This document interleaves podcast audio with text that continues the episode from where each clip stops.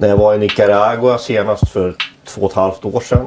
Då fick jag reda på när jag åkte ut från landet att polisen hade varit på mig under hela den tiden. De var efter mig hela tiden. De hade varit på hotellet, de hade intervjuat folk som jag hade pratat med. Det här är ju väldigt obehagligt.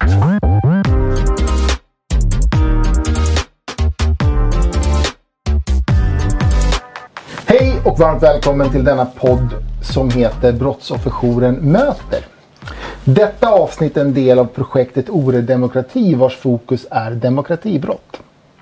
Mitt namn är Marcus och i detta avsnittet av Brottsofferjouren möter kommer jag samtala med ingen mindre än Erik Hallskär, ordförande i svenska sektionen av Reportrar utan gränser. Välkommen Erik! Tack så mycket! Eh, du kan väl berätta lite vem du är och vad ni gör? Ja, spännande måste jag säga först att få vara med här. Första avsnittet. Eh, Eh, och tack för att jag fick komma hit. Jo, Report utan gränser, den svenska sektionen är ju en liten del av en global organisation, Report utan gränser, som grundades i Frankrike på 80-talet.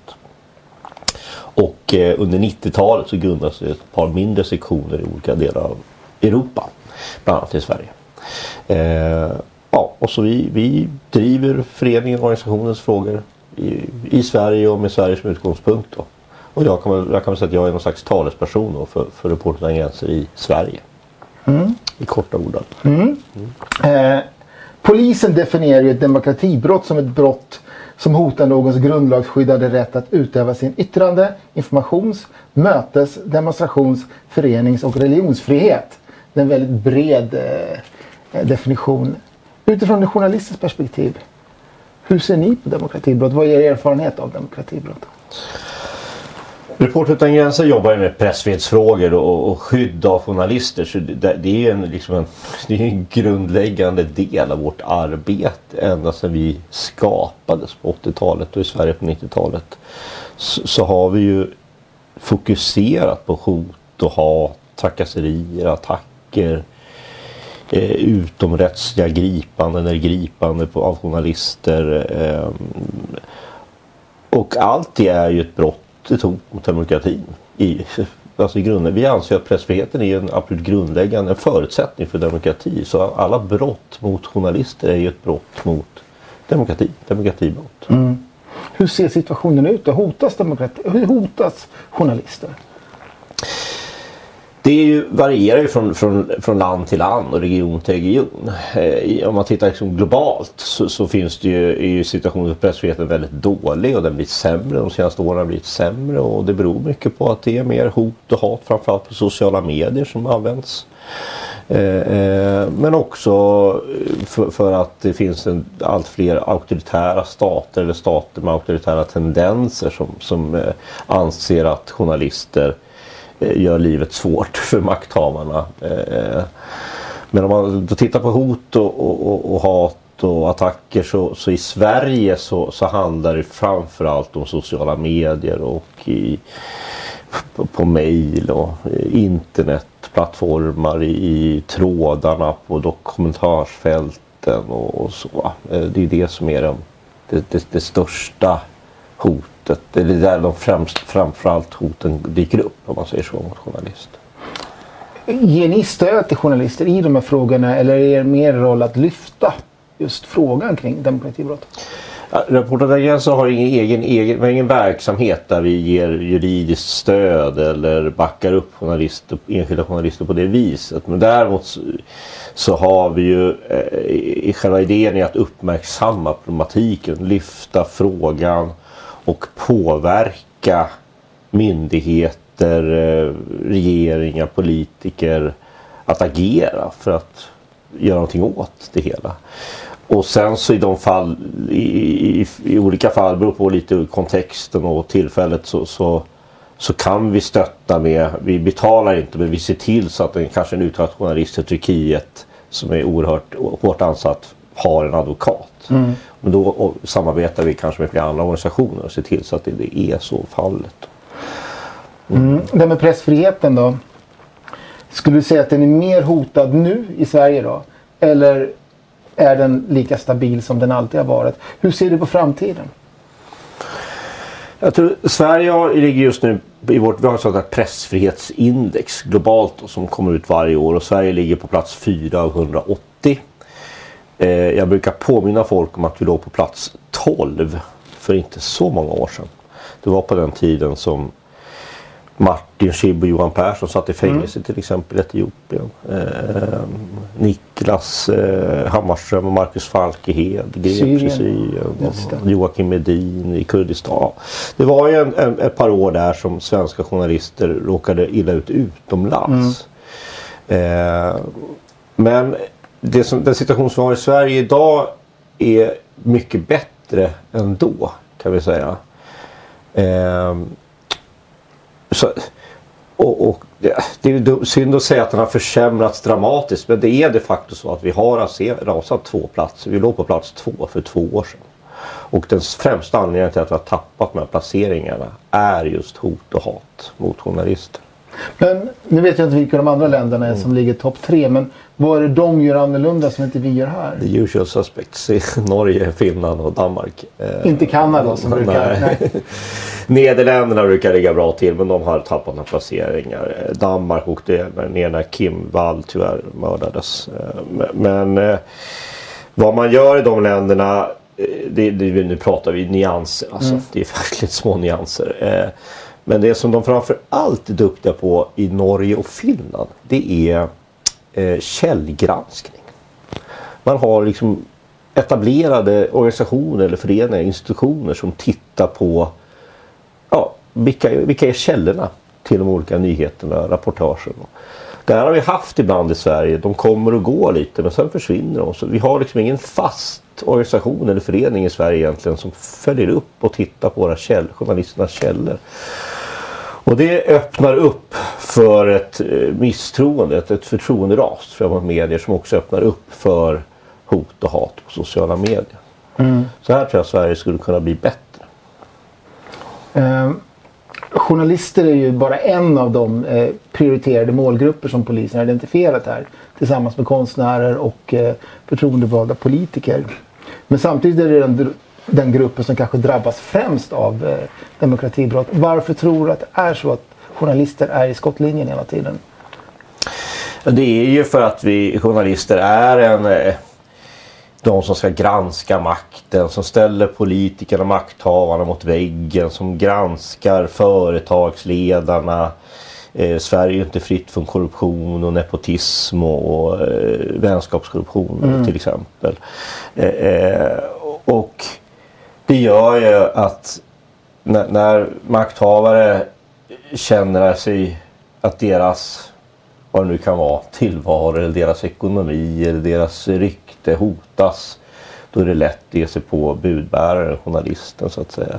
Och sen är det ju så att vi har fått in eh, politiker i Sverige som har en annan syn på demokrati och pressfrihet än vad vi kanske är vana vid. Mm. och, och, det kan också bero på okunskap. Att man inte kanske har kunskapen eh, för vad media egentligen innebär för demokrati. Eh, och då ger man sig på journalisterna. För man tycker sig se att de är någon slags fiender. Vilket är helt snurrigt. För, för tar vi bort journalisterna och pressfriheten då har vi ingen demokrati. Och då kommer de här politikerna förmodligen inte ens sitta på den stol där de sitter i mm. långa lopp.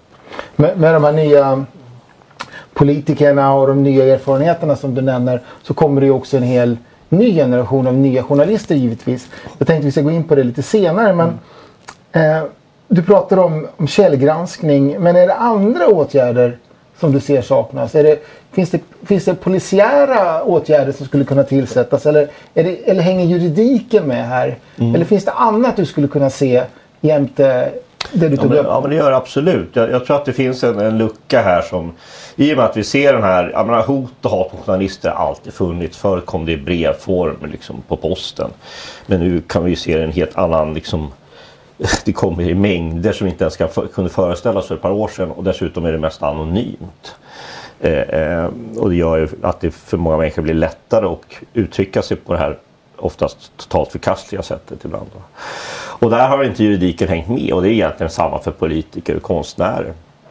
Eh, så jag tror att rättsväsendet ligger ett steg efter här. Man skulle behöva säkra upp det här och skapa ett skydd mot det som är ändå de som är demokratins bud, liksom försvarare eller budbärare. Utan, utan politiker, eh, eh, journalister och konstnärer så har vi ingen demokrati. Alltså vi måste ju stärka det skyddet. Och sen det andra är ju att, att eh, eh politikerna måste också hänga med. Jag tror att det har gått för fort för även för dem. Så att politikerna på alla nivåer, kommunval, region, regering, Europa måste bli bättre på hela tiden försvara journalistik och, och konst, kultur. Eh, jag tror att man tar det lite för självklart och det ska man vara försiktig med. Mm.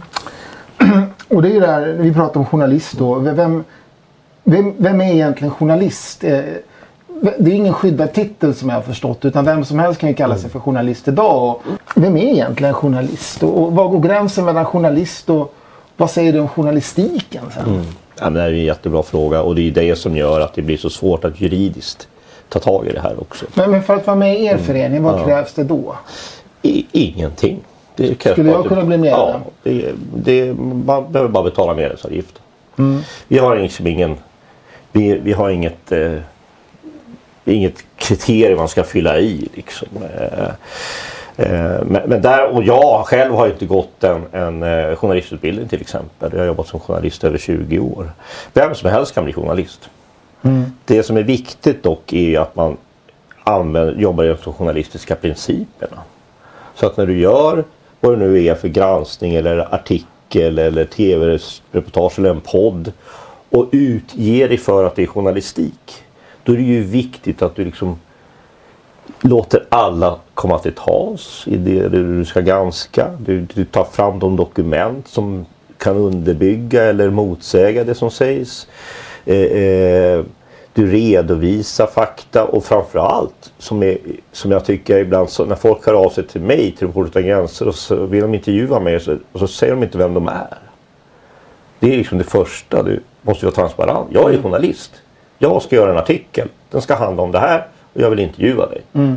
Då vet ju den som blir intervjuad, okej okay, det här är en journalistisk granskning, reportage och jag blir intervjuad i den här rollen för det här mediet. Det tycker jag är jätteviktigt att man är liksom öppen och transparent med, med det. Eh, men sen är det ju tyvärr så att det är många som, som gör, de säger att de är journalister och så gör de det här och så vill de kanske inte säga vem de företräder eller så ljuger de om det och säger att de företräder någon. Sen i, slut, i slutändan att det inte alls var så utan de företräder någon annan. Eller så för de in en, en åsikt, en opinion mm. i det här materialet som det kanske för en utomstående inte är så lätt att veta om att det är en opinion, en åsikt. För du har inte redovisat alla källor. Men det vet ju inte jag som lyssnar eller tittar eller läsare om eftersom jag inte har sett alla källor. Mm. Det här är ju väldigt svårt. Och som journalist är det en utmaning att hela tiden vara öppen och transparent med hur man jobbar. Eh, och det ska jag säga att det är många etablerade medier i Sverige som kämpar med den problematiken också. Vissa av de här medierna har ju stängts ner. Just den här typen av medier som kanske inte alltid följer alla eh, principer. Vissa av dem har ju stängts ner från olika medieplattformar. Hur, hur ser du på det? Är det en lösning att stänga ner eller skulle man ha en dialog med dem istället för att de ska komma upp till de korrekta eh, ja. principerna? Och vem sätter principerna? Ja, precis. Ja, principerna finns ju i grunden. Det finns ju en rad olika eh, du kan inte, men det finns, man kan liksom leta upp, du kan gå till Journalistförbundet till exempel. Du kan leta dig fram på Reporters internationella hemsida. Det finns en rad organisationer som som redogör ungefär vilka saker man ska uppfylla för att mm. göra ett ordentligt journalistiskt jobb så att säga. Eh, eh, är det tydliga riktlinjer ja, här? Det, handlar ungefär, det kan inte tolkas nej, lite... det handlar ju om det som jag precis sa. Det är ju pressetik och yrkesetik som journalistik. Då, som journalist. Då. I, grundlägg, i, I botten ungefär det som jag sa tidigare. Då. Men, men, men eh, eh, eh det som, för att svara på din fråga om plattformarna så eh, tycker inte jag att det är rätt väg att bara stänga ner konton. Eh, jag tycker dialogen är bättre och att man håller sig enligt de lagar och regler som finns i ett land. Eh, särskilt när det gäller eh, det som är journalister. I det här fallet pratar vi om det som nyligen har hänt i Sverige här innan årsskiftet. Det är ju, kan ju vara kanaler som har en ansvarig utgivare som är med i det pressetiska systemet. De finns med liksom medieombudsmannens hemsida. Men blir ändå nedstängda av en av de här digitala globala plattformarna. Mm. Som dessutom, och plattformen utger sig för att man ska följa de lagar som gäller i Sverige först och främst. Men ändå fattar man det här beslutet. Och här är jag, har Reporter utan gränser för en dialog med Google, Facebook och Twitter om de här frågorna och tycker att de måste bli mer transparenta. Vi lägger oss inte i, de är privata företag. Okej, ni, får, ni har fött, satt upp riktlinjer. Följer man inte de riktlinjerna så kan man åka ut. Fair enough. Men då måste de plattformarna å sin sida vara mer transparenta och berätta varför, alltså öppet, offentligt, varför de här journalisterna eller vem det är blir utkastade. Nu gjorde man ju det till exempel i Donald Trumps fall så sa man ju öppet det var den här tweeten, det var den här tweeten och den här mm. tweeten. Men i de fall som jag har sett i Sverige så har vi inte fått se det och när jag ringer upp och pratar med plattformarna så får inte jag reda på vilka inlägg det är som är fel. Utan det är hemligt. Det är ett jätteproblem. Eh, för då finns ju inte möjlighet för den, eh, den eh, medie, media, media som blir utestängt att ens liksom överklaga eller kanske förklara sig eller ta upp det här i någon annan instans. Men i Sverige har vi ett rättsväsende och där man kan få sin sak prövad. Det får man inte på de här plattformarna. De fattar ju beslut som påverkar demokratin för de, är så, de har så mycket makt. Så vi efterfrågar en ökad transparens. Det kanske inte löser, löser själva utmaningen för vissa av de här medierna som du, som du är inne på. Men, men då är den andra sidan där, det är att jag som journalist då återigen ska försöka jobba enligt journalistiska principer så att jag inte sitter och för ut åsikter eller desinformation eller, eller helt felaktiga mm. påståenden under någon slags journaliststämpel. Då har du ju, för det första så ägnar du inte åt journalistik och för det andra så sätter du ju, gör du ju, sätt, följer du krokben för alla andra journalister. För man så ett misstroende över journalistkåren i stort. Vissa menar att journalister är en del av, av statsmakten. Då. Man kallar det ibland för förljugen media. Och, och, och, och, det leder till ibland att om jag inte har någon tilltro till media så kan jag idag skapa egna mediekanaler. Mm. Och där kan jag kalla mig för journalist. Där kan jag få ut mitt budskap. Mm. Hur ser du på det och varför har det blivit så här? Är det för att folk är mer konspiratoriska? Eller är det för att eh, de etablerade journalisterna har ändrat sig med åren? Jag vet inte. Hur, hur det finns ju många, jag tror att du är inne på flera saker här som, som, det, som stämmer. Reporter Tangents har ju sedan vi startade jobbat med så kallade liksom, medborgarjournalister eller barfotojournalister. Men då är det i länder där journalistik är förbjudet. Eller det råder nästan total censur. Och då är det ju klart att om en person i ett land där det inte finns någon fri media tar sin telefon och filmar ett inlägg och förklarar att den här domaren i den här byggnaden bakom mig, han har precis dömt hundra människor till döden. Mm. Det är ju väldigt bra om det görs. Så det är ju en slags medborgarjournalistik för att under den omständigheten så är det bra att någon talar om det. Liksom. Sen har ju det fenomenet spritts över världen och eh, finns även i Sverige. Och eh, som jag sa tidigare så kan vem som helst bli journalist. Det finns ett 20-tal kommuner i Sverige där det inte finns någon lokal media på plats. Då är det väl, skulle jag den första uppmuntra en medborgare till att säga Har du fritid och lust att skapa en journalistisk blogg eller mm. video tv-kanal som jobbar enligt de journalistiska principerna och granskar din kommun. Då är det jättebra. Men, Men man ska ju helst ta till betalt för sin journalistik. Men där har vi sett att det har mm. gjorts av människor med olika agendor. Och då undrar jag, vilken agenda ska du ha då för att vara den personen? Om jag har ett intresse av bilar, då kommer ju den här media eller lokala medborgarinitiativet det kommer ju absolut att präglas av olika bilar. Mm. Men vilken agenda ska jag ha då för att det ska kunna bli korrekt journalistik? Du ska ju för det första inte ta emot pengar från några bilföretag. För mm. då har du blivit köpt. Då blir det ju plötsligt en, en PR-kanal åt ett bilbolag eller en lokal bilhandel. Och det är det här som gör det så svårt. Därför tror jag att förutsättningarna för lokal med, medborgarjournalistik i Sverige är väldigt små och väldigt svåra. För att det slutar ändå med vem ska betala din lön? Mm. Eh, eh, och det gäller att hålla på den här journalistiken för det är väldigt lätt att det blir åsikter. Det är, I Sverige har vi ett, ett system med ansvarig utgivare. Vi har redaktioner där det finns liksom kontrollnivåer så att du som journalist, din text eller ditt inslag går ju via ett par andra personer innan det läggs ut. Och hinner granskas, källgranskas, faktakollas. Och en ansvarig utgivaren tar ett beslut och säger ja men vi kör det här. För jag kan ta på mig det juridiska ansvaret. Men om du är själv ensam som medborgarjournalist. Då är det ju du själv som gör allt det här. Och det vet vi alla var och en att det är väldigt lätt att göra slarvfel. Man mm. kanske inte tänker på allting. Och så. så att man ska ju vara väldigt försiktig eh, när man ägnar sig åt journalistik och, och eh, det är därför det finns en utbildning. jag får intrycket lite grann att vissa medier, framförallt viss typ av alternativmedier, de behöver inte bry sig så mycket om källgranskning för deras läsare bryr sig inte heller om det. Utan det är viktigare att rubriken ser bra ut och att den kanske passar in i en viss agenda. Mm. Är det någonting du känner igen? Ja men absolut. Och det, och det här är ju... Jag tycker, för att ta tillbaka, gå tillbaka till det här exemplet med medier som blir avstängda på de globala digitala plattformarna. Eh, eh, så måste man ju tänka sig för eh, eh, när man publicerar Eh, alltså man får ju ta lite, skylla sig lite själv eh, också. Man måste ju se sig själv i spegeln. Är det här journalistik vi ägnar oss åt egentligen?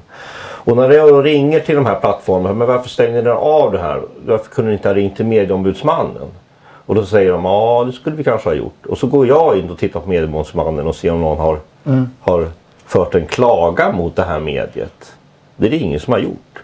För att de som tittar på det här mediet, som du säger, de tycker att det här är jättebra journalistik. Det finns ingen människa som tittar på det som kommer att ringa till medieombudsmannen och säga du det här vill jag klandra. Det är helt felaktigt. För jag tittar inte på det. Om jag tittar på det då skulle jag göra det på en gång. Mm. För att jag anser att det kanske är fel. Så att det blir ju som, som säga, små bubblor, kluster. Och det är en del av problematiken. Att de här medierna de växer ju inom en bubbla.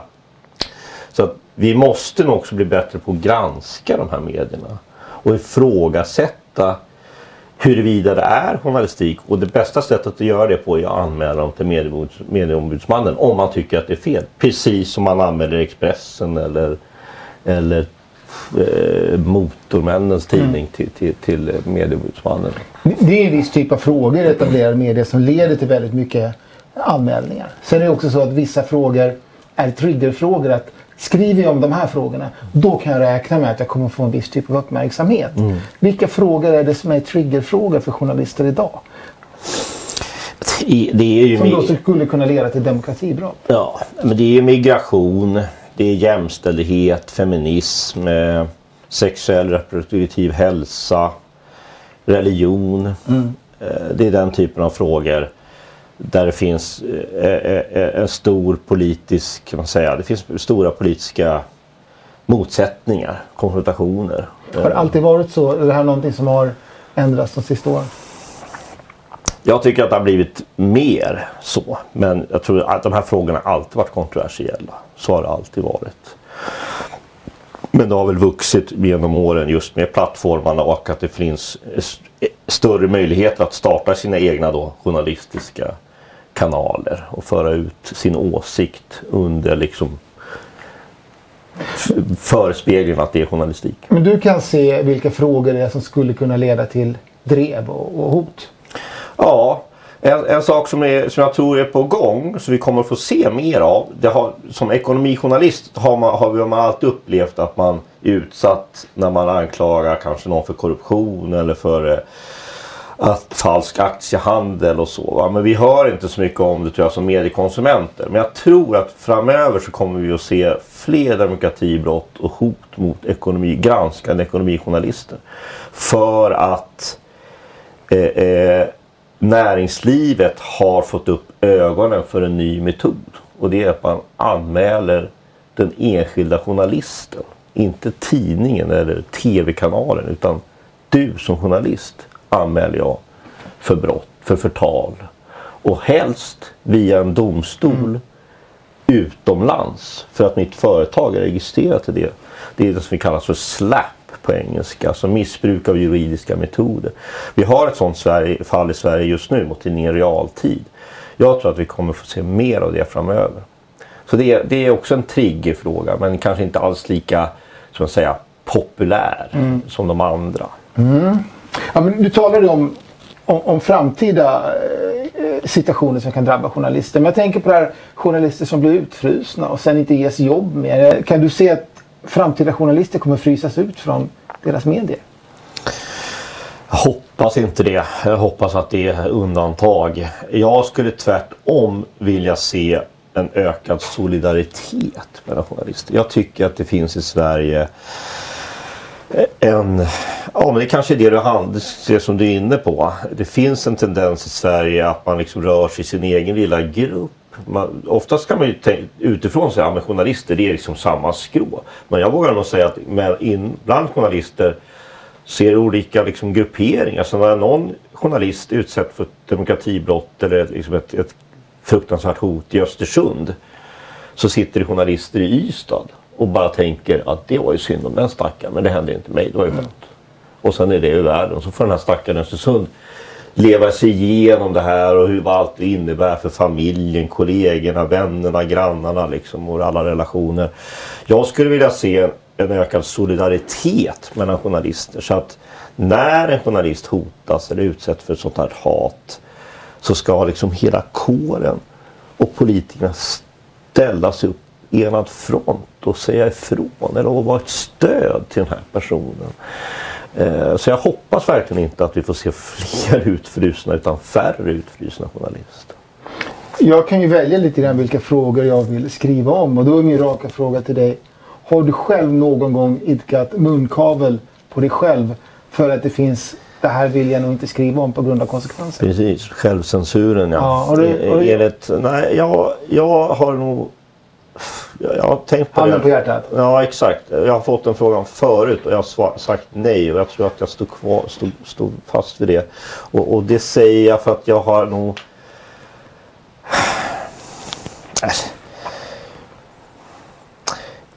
Jag säga? Jag har, jag har, ju, jag har jobbat inom biståndsorganisationer mm. som pressperson.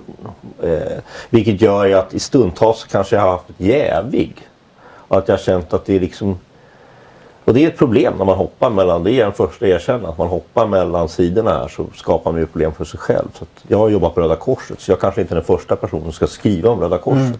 Det blir ju bara pinsamt och dumt för alla. Liksom. Så visst, om vi ser det som självcensur så kan man väl säga att det har gjort. Men då jag, om jag har kunnat har jag gett det till en annan journalist. Så att säga.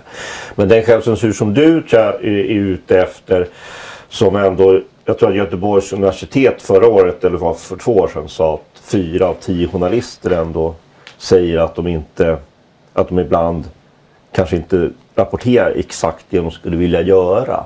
Det är ju ett jätteproblem. Mm. Har du känt någon gång så här att när du är inne i ett reportage att det här kommer inte att landa bra för egen del. Nu kommer jag dra på mig drev eller någon form av... Absolut, det har jag känt. Och då har jag gjort det som man ska göra som journalist. Eh, Tala med en kollega, med chefen. Eh, så går vi igenom det ordentligt så vi känner att okej, okay, det här kommer folk kanske röra upp känslor, det kan leda till reaktioner. Men vi, om, så länge vi ser till så att allting har täckning. Och det är det här som är journalistik. Det ska mm. liksom finnas fakta, det ska finnas underlag, det ska finnas intervjuer som täcker upp varenda stavelse, varenda prata i det här inslaget. Då är du ju ändå i din yrkesroll liksom, trygg. Sen kan du orsaka massa jobbiga situationer. För att, men du kommer ändå kunna gå hem och titta i spegeln och säga Fine, mm. jag gjorde mitt jobb som journalist. Det är inte så att jag hittat på något. Eller inte kollat upp den här källan för att jag var för lat eller för att inte vågade eller så. Nu talar du om det här att göra ditt jobb. Jag har ju googlat dig. och du dyker upp i alla möjliga olika sammanhang. Framförallt då du står upp för mänskliga rättigheter. Mm. Du står upp för journalister både i Sverige och i världen. Det är väldigt känsliga frågor ibland. Eh, har du blivit utsatt? Jag har aldrig blivit eh, hotad i Sverige. Eh, jag har blivit utskälld. jag har blivit fått massa arga, sura mejl och kommentarer. Och det kommer väl med jobbet så länge mm. det inte är hot. För det är, det är inte acceptabelt. Däremot så har jag blivit, jag vet att till exempel Marockos ambassad, Kubas ambassad har järnkoll på mig och vet vad jag gör. När jag var i Nicaragua senast för två och ett halvt år sedan. Då fick jag reda på när jag åkte ut från landet att polisen hade varit på mig under hela den tiden. De var efter mig hela tiden. De hade varit på hotellet, de hade intervjuat folk som jag hade pratat med. det här är ju väldigt obehagligt. Men finns det länder du inte skulle åka till? Ja, jag har ju någon gång i min tid i, i min yrkeskarriär sagt att jag drar mig, alltså jag var krigskorrespondent. Ja. Det har jag nog aldrig lockats av. Och jag tycker de som ägnar sig åt det, all heder. De är oerhört, oerhört viktigt och bra jobb. Och framförallt åt de lokala journalister som är på plats. Själv har jag nog väjt lite för det, även om jag har hamnat i, i konfliktzoner. Absolut. Men jag ställer frågan så här då. Finns det länder du inte kan åka till på grund av den rollen Ja. du har? Jag har, nu är det ett par år sedan, men senast jag försökte åka till Kuba så fick jag inte det. Alltså officiellt Ja. som journalist. Ehm, jag kan inte, så länge som jag är ordförande för Reporter utan gränser tror jag att det finns ett par länder som jag inte kan åka till. Eh, om jag åker dit så måste jag räkna med att det blir, kan bli en rätt jobbig resa för mig och alla andra som är med. Kina, Saudiarabien, Eritrea, Nordkorea. Men skulle man inte kunna kalla det för någon form av aktiv självcensur då? Att du undviker de här länderna för att du vet vad det kommer leda till? Det kan man väl göra men det är ju för att jag är ordförande för Reporter utan gränser. Eh, och att jag måste sätta på mig den kepsen. Jag tror att om jag inte var ordförande för Reporter utan gränser då skulle jag ju, om jag skulle känna att nu ska jag åka till Saudiarabien för att göra den här storyn måste jag åka till Saudiarabien. Då skulle jag ju göra allt jag kunde för att göra det. Sen skulle det kanske inte kunna gå. Men, men jag- tror att det handlar mer om min roll som Reporter utan gränser och vem jag företräder där. Du har aldrig varit rädd? Absolut, jo det har jag. Eh, jag har rest mycket och jobbat mycket i Centralamerika. Eh, stundtals rätt obehagliga situationer. Eh, Burundi har varit utsatt under ja, konfliktliknande situation. Så. Men i Sverige har jag aldrig varit rädd. Har du pratat med andra journalister som i Sverige har blivit rädda? Känner du till fall där folk har sagt, eller där folk har slutat med yrket på grund av situationen? Hittills har jag inte hört det i Sverige. Däremot har jag ju naturligtvis pratat med flera journalister i Sverige som har utsatts för så pass mycket hot och, och trakasserier så att de har övervägt att sluta eller kanske helt fått ändra sin livsföring. Eh, eller vars familjer råkar väldigt illa ut och det, blir, och det, det är ju det är liksom det värsta som kan hända förutom att något fysiskt. Då, men, men, och jag tycker det är fruktansvärt och det är just det som är den yttersta konsekvensen av de här hoten. Och, och, och, och, och, då, och det finns också en frustration här för om vi ska gå tillbaka till det vi började med vad polisen och rättsväsendet kan göra. Den, den frustration som uppstår när ja, men jag gick till polisen och anmälde men det händer inget. För de kan mena på att det inte kanske är ett hot. Det är mycket det här med juridiken. Vad är ett hot och vad är inte ett hot? Och vad är obehagligt och vad är inte... Alltså, jag tycker det är Du vet att vi på Brottsofferjouren finns här om det skulle behövas. absolut. Vi kan ju hjälpa er med de här äh, definitionerna. Och, Ja, men jag brukar säga att man, om, om du som journalist blir utsatt för, för de här sakerna så ska du ju för det första polisanmäla och sen ska du söka upp det stöd som erbjuds. Det kan ju vara hos Journalistförbundet eller hos er, Brottsofferjouren. Eller, ja, kyrkan, Röda Korset. eller Det finns en rad olika aktörer som, som kan liksom ge krisstöd eller trauma eller juridiska juridiskt. hur är din syn på den här typen av alternativ journalistik?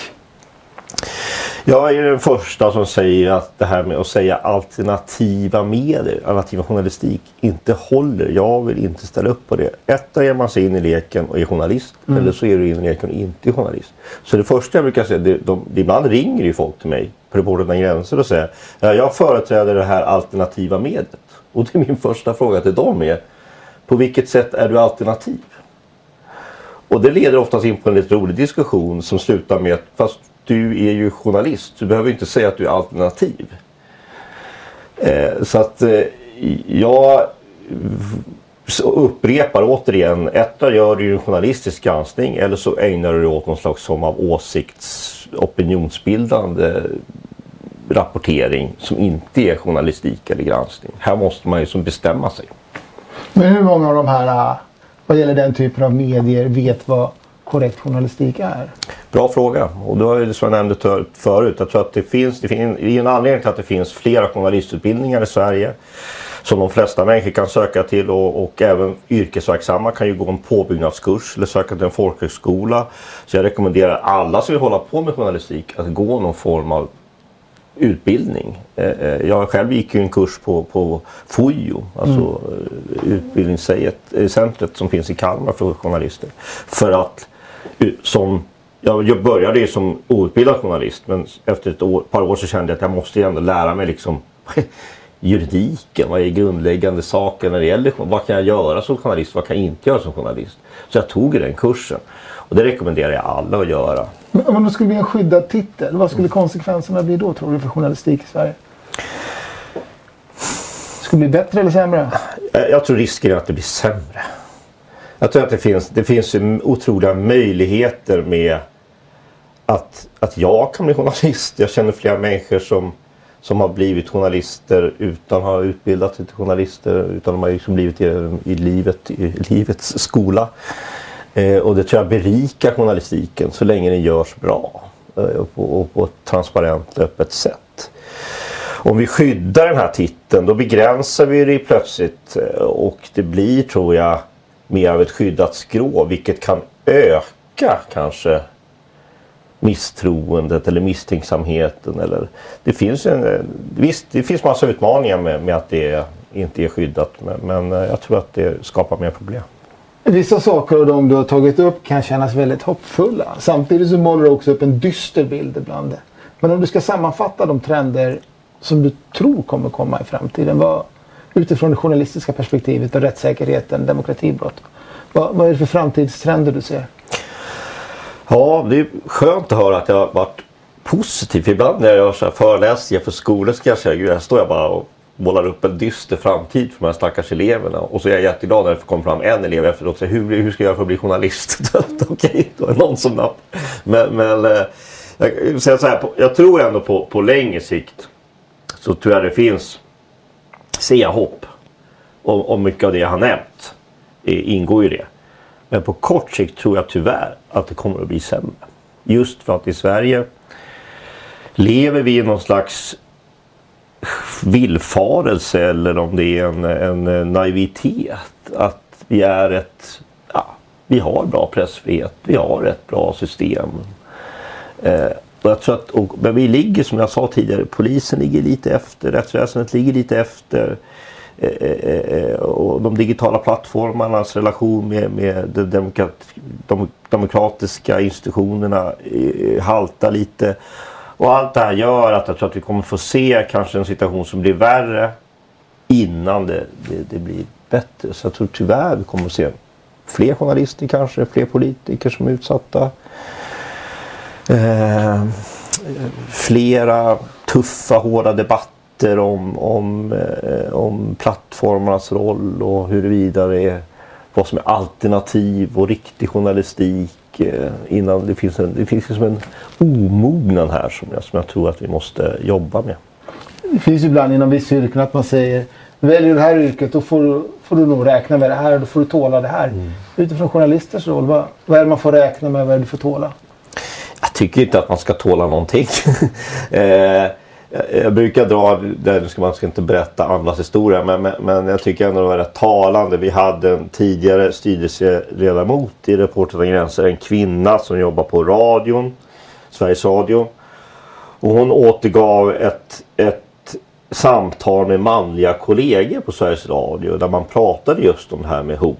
Och de här manliga kollegorna de sa men du, så här är det ju. Du får ju räkna med det här. Så här har det alltid varit. Mm. Och då tog hon och hennes kvinnliga kollegor upp sina telefoner och så visade de så här ser våra hat ut. Hur ser era ut? Och de manliga kollegorna liksom bleknade och fattade vidden av hur det är för de kvinnliga journalisterna. Så att jag tror att det, eller jag tycker det är synd om att man har kommit in i ett skrå med den det måste nästan komma redan från liksom den första praktiken att ja, men det här får du leva med. Då är det ju något som är tokigt. Jag tror att man måste liksom ta det här vid, vid, vid gärdsgården, vid grinden liksom, och, och, och etablera det faktum att det här är inte okej. Okay. Du ska inte få hot och hat. Visst, det kommer att komma. Men det är inte acceptabelt. Eh, men i det ingår också att när du gör ditt journalistiska arbete så ska det vara så genomgående bra gjort. Så att du ska också känna att när det där jättetråkiga mejlet som berättar att jag vet vad din grabb går på dagis kommer. Det är jätteobehagligt. Du kan också säga till dig själv idiot. Men jag har gjort mitt jobb. Det finns ingenting i den här artikeln. Ingenting i den här artikeln som är fel. Allt är vedertaget, fakta, granskat, transparent, öppet. Liksom. De har ändå gjort sitt jobb. Ja, men när du har gjort ditt jobb. På mig låter det som att nu har du blivit ett brottsoffer. Mm. Eh, och det är det priset du får betala. Mm. Om du ställer brottsoffer kontra ditt jobb. Mm. Hur tänker du där? Är det här ett pris du ville betala? Nej, för det, jag menar, i, i, nu kanske det kanske var ett dumt exempel det här för nu blev det lite grovt. För det är ändå ett hot och det ska anmälas. Snarare tror jag att det är en vardag för många. Ja, det, det är en vardag. Men, och det, men det är som jag sa tidigare, det ska anmälas. Så är det absolut, punkt slut. Eh, och det är inte acceptabelt. Men det som jag inte är inne på som jag kanske inte säger, som jag missar här, det är ju att det, idag görs även bland etablerade medier när det ska, allting ska gå så himla fort mm. Och klickvänligt så görs det en del klavertramp. Man kollar inte den där källan. Man kollar kanske inte den där faktan. Man dubbelkollar inte det där citatet av någon. Och så blir det fel. Men får journalisten skylla sig själv då? Nej, det tycker jag inte. Men däremot tycker jag att medierna måste bli bättre på, och det är återigen som jag också sa i början, det här med källgranskning och källhänvisning och faktakontrollen. Eh, att det är oerhört viktigt. Men det försvarar inte någonting av det andra, av hot och brott.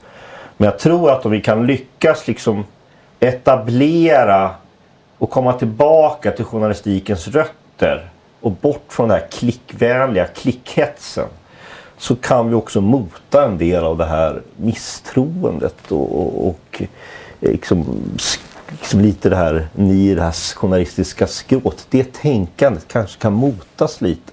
För när det görs sådana här klavertramp om och om igen. Det är inte, jag ska inte säga att det sker jätteofta men det sker ju på stora etablerade medier. Då, då skapar det ju en bild av att ja, men de ringer till mig. Så varför får inte jag göra det här när Robert Aschberg får göra det? Och så säger ja, men jag kan inte svara på liksom, vad, vad, etablerade journalister gör på sina tidningar. Och han är en etablerad duktig journalist. journalist liksom. det, du ska ju tänka själv. Vad gör du själv? Titta dig själv i spegeln. Liksom. Jag blir lite nyfiken nu. När, när, när en journalist har gjort det här mm. korrekta toppjobbet mm. och ändå blir utsatt. Va, vad säger ni då? Fortsätt gå rak med ryggen och lämna sonen på dagis eller snarare ta barnet och åka iväg en vecka? Vad, vad, vad, hur låter snacket där när, när allting har gått korrekt till? Nej, men det ju, då, då, tycker jag då ska man ju... För det första ska man ju prata med sina chefer på bygget och så måste man ju på redaktionen ta tag i det här. Jag hoppas att man har de, de rutinerna som ska finnas på plats för att stödja en kollega. Eh, och sen så ska man ju polisanmäla eh, eh, och är hotet av det så den grad då ska ju naturligtvis polisen och eh, ni till exempel eh, eh, kunna ge det råd och stöd som behövs. Som sagt det är inte acceptabelt. Och man ska, du, visst, rent yrkesmässigt sett ska mm. du kunna stå rak i ryggen och säga jag har gjort ett bra jobb. Men du ska också tänka på att det här är ju väldigt sorgligt att det är på det här viset. Men, men, och det är då det krävs solidaritet. Det är då alla andra journalister måste ställa sig upp och säga det här är jättedåligt. Det här, så här får inte funka. Vi, vi står med dig. Vi är med dig. Och kanske istället för att granska den journalisten och den personens granskning granska det som har hänt. Hotet och hatet. Det är också ett, ofta som händer att man liksom Utomlands så ser vi när en journalist, nu är det ett så extremt exempel, när en journalist mördas i Mexiko. Då, nu ser vi hur andra journalister i Mexiko utför den här granskningen som journalisten höll på med i dens Eh, sits, så att säga, ta på sig den rollen. Och om du som journalist inte orkar genomföra den här granskningen för att du blir så utsatt. Då ska det finnas 20 andra journalister som gör det åt dig eller tillsammans med dig. Så att man måste peka finger på måste liksom mm. ge sig på alla journalister. Och det, man blir så utsatt om man är ensam. Det gäller att man är många som kan hjälpas åt och stödjas. Men den här listan du talar om, press... Vad heter den här? Press... Pressfrihetsindexet, ja, globala. Ja, om, om, vi talar om pressfrihetsindexet. Om, Om Sverige ligger etta där om fem år. Vad är det för journalistiskt klimat du tror vi skulle ha här då? Oj, oj, Vad var det vi gjorde för att hamna Ja, nummer ett? precis. Bra fråga. Alla andra blir sämre. nej, men, nej, men eh, vi ska se. Eh, det ska finnas ett ökat ett polisiärt och rättsligt skydd för journalister.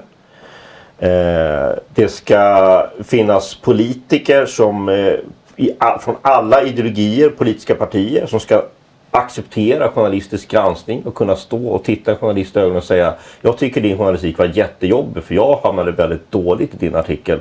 Men det är helt korrekt för du är en del av demokratin. Det är jag också. Att man accepterar journalistik och journalistisk granskning. Och sen så ska det ju de globala, alltså de här plattformarna, plattformarna ska vara mer transparenta. Eh, och det kanske jag inte har nämnt. Vi tycker Reporter utan gränser tycker också att plattformarna ska bli bättre på att lyfta bra journalistik. Just nu så har man en tendens att lyfta med de här gnället, hatet, hotet, det negativt. Du kan ju istället välja att lyfta liksom, den journalistiska granskningen och jobbet. Och det blir också, om det lyfts mer av plattformarna då får ju det också en större utspridning och räckvidd i samhället och kanske blir mer etablerat. Tror du att antal demokratibrott skulle gå ner om det vore så att vi låg där? Det tror jag. Det hoppas jag verkligen. För det hänger väl lite ihop. Dålig pressfrihet. Dålig, ja, mer demokratibrott kan man väl säga. Starkare pressfrihet, färre demokratibrott. Jag tror att vi kan, om, om ni fixar en karta på demokratibrott i världen så gäng, lägger vi den bredvid pressfrihetsindexet så att det blir rätt likt. Stort tack Erik för att du kom hit. Det varit jättekul att ha dig här idag. Ja, nej, men tack själv. Och hoppas att du kommer att följa våran podd i framtiden. Ja, nej, men det var jättekul att vara med så här på premiären. Så att jag ser fram emot kommande avsnitt med andra gäster. Tackar och det gäller alla andra också. Att, eh, vill ni följa den här podden så tryck på klick eller tryck på like så kommer videon efterhand. Men återigen Erik, stort tack att du har varit här. Sköt om dig så ses vi igen. Tack så mycket.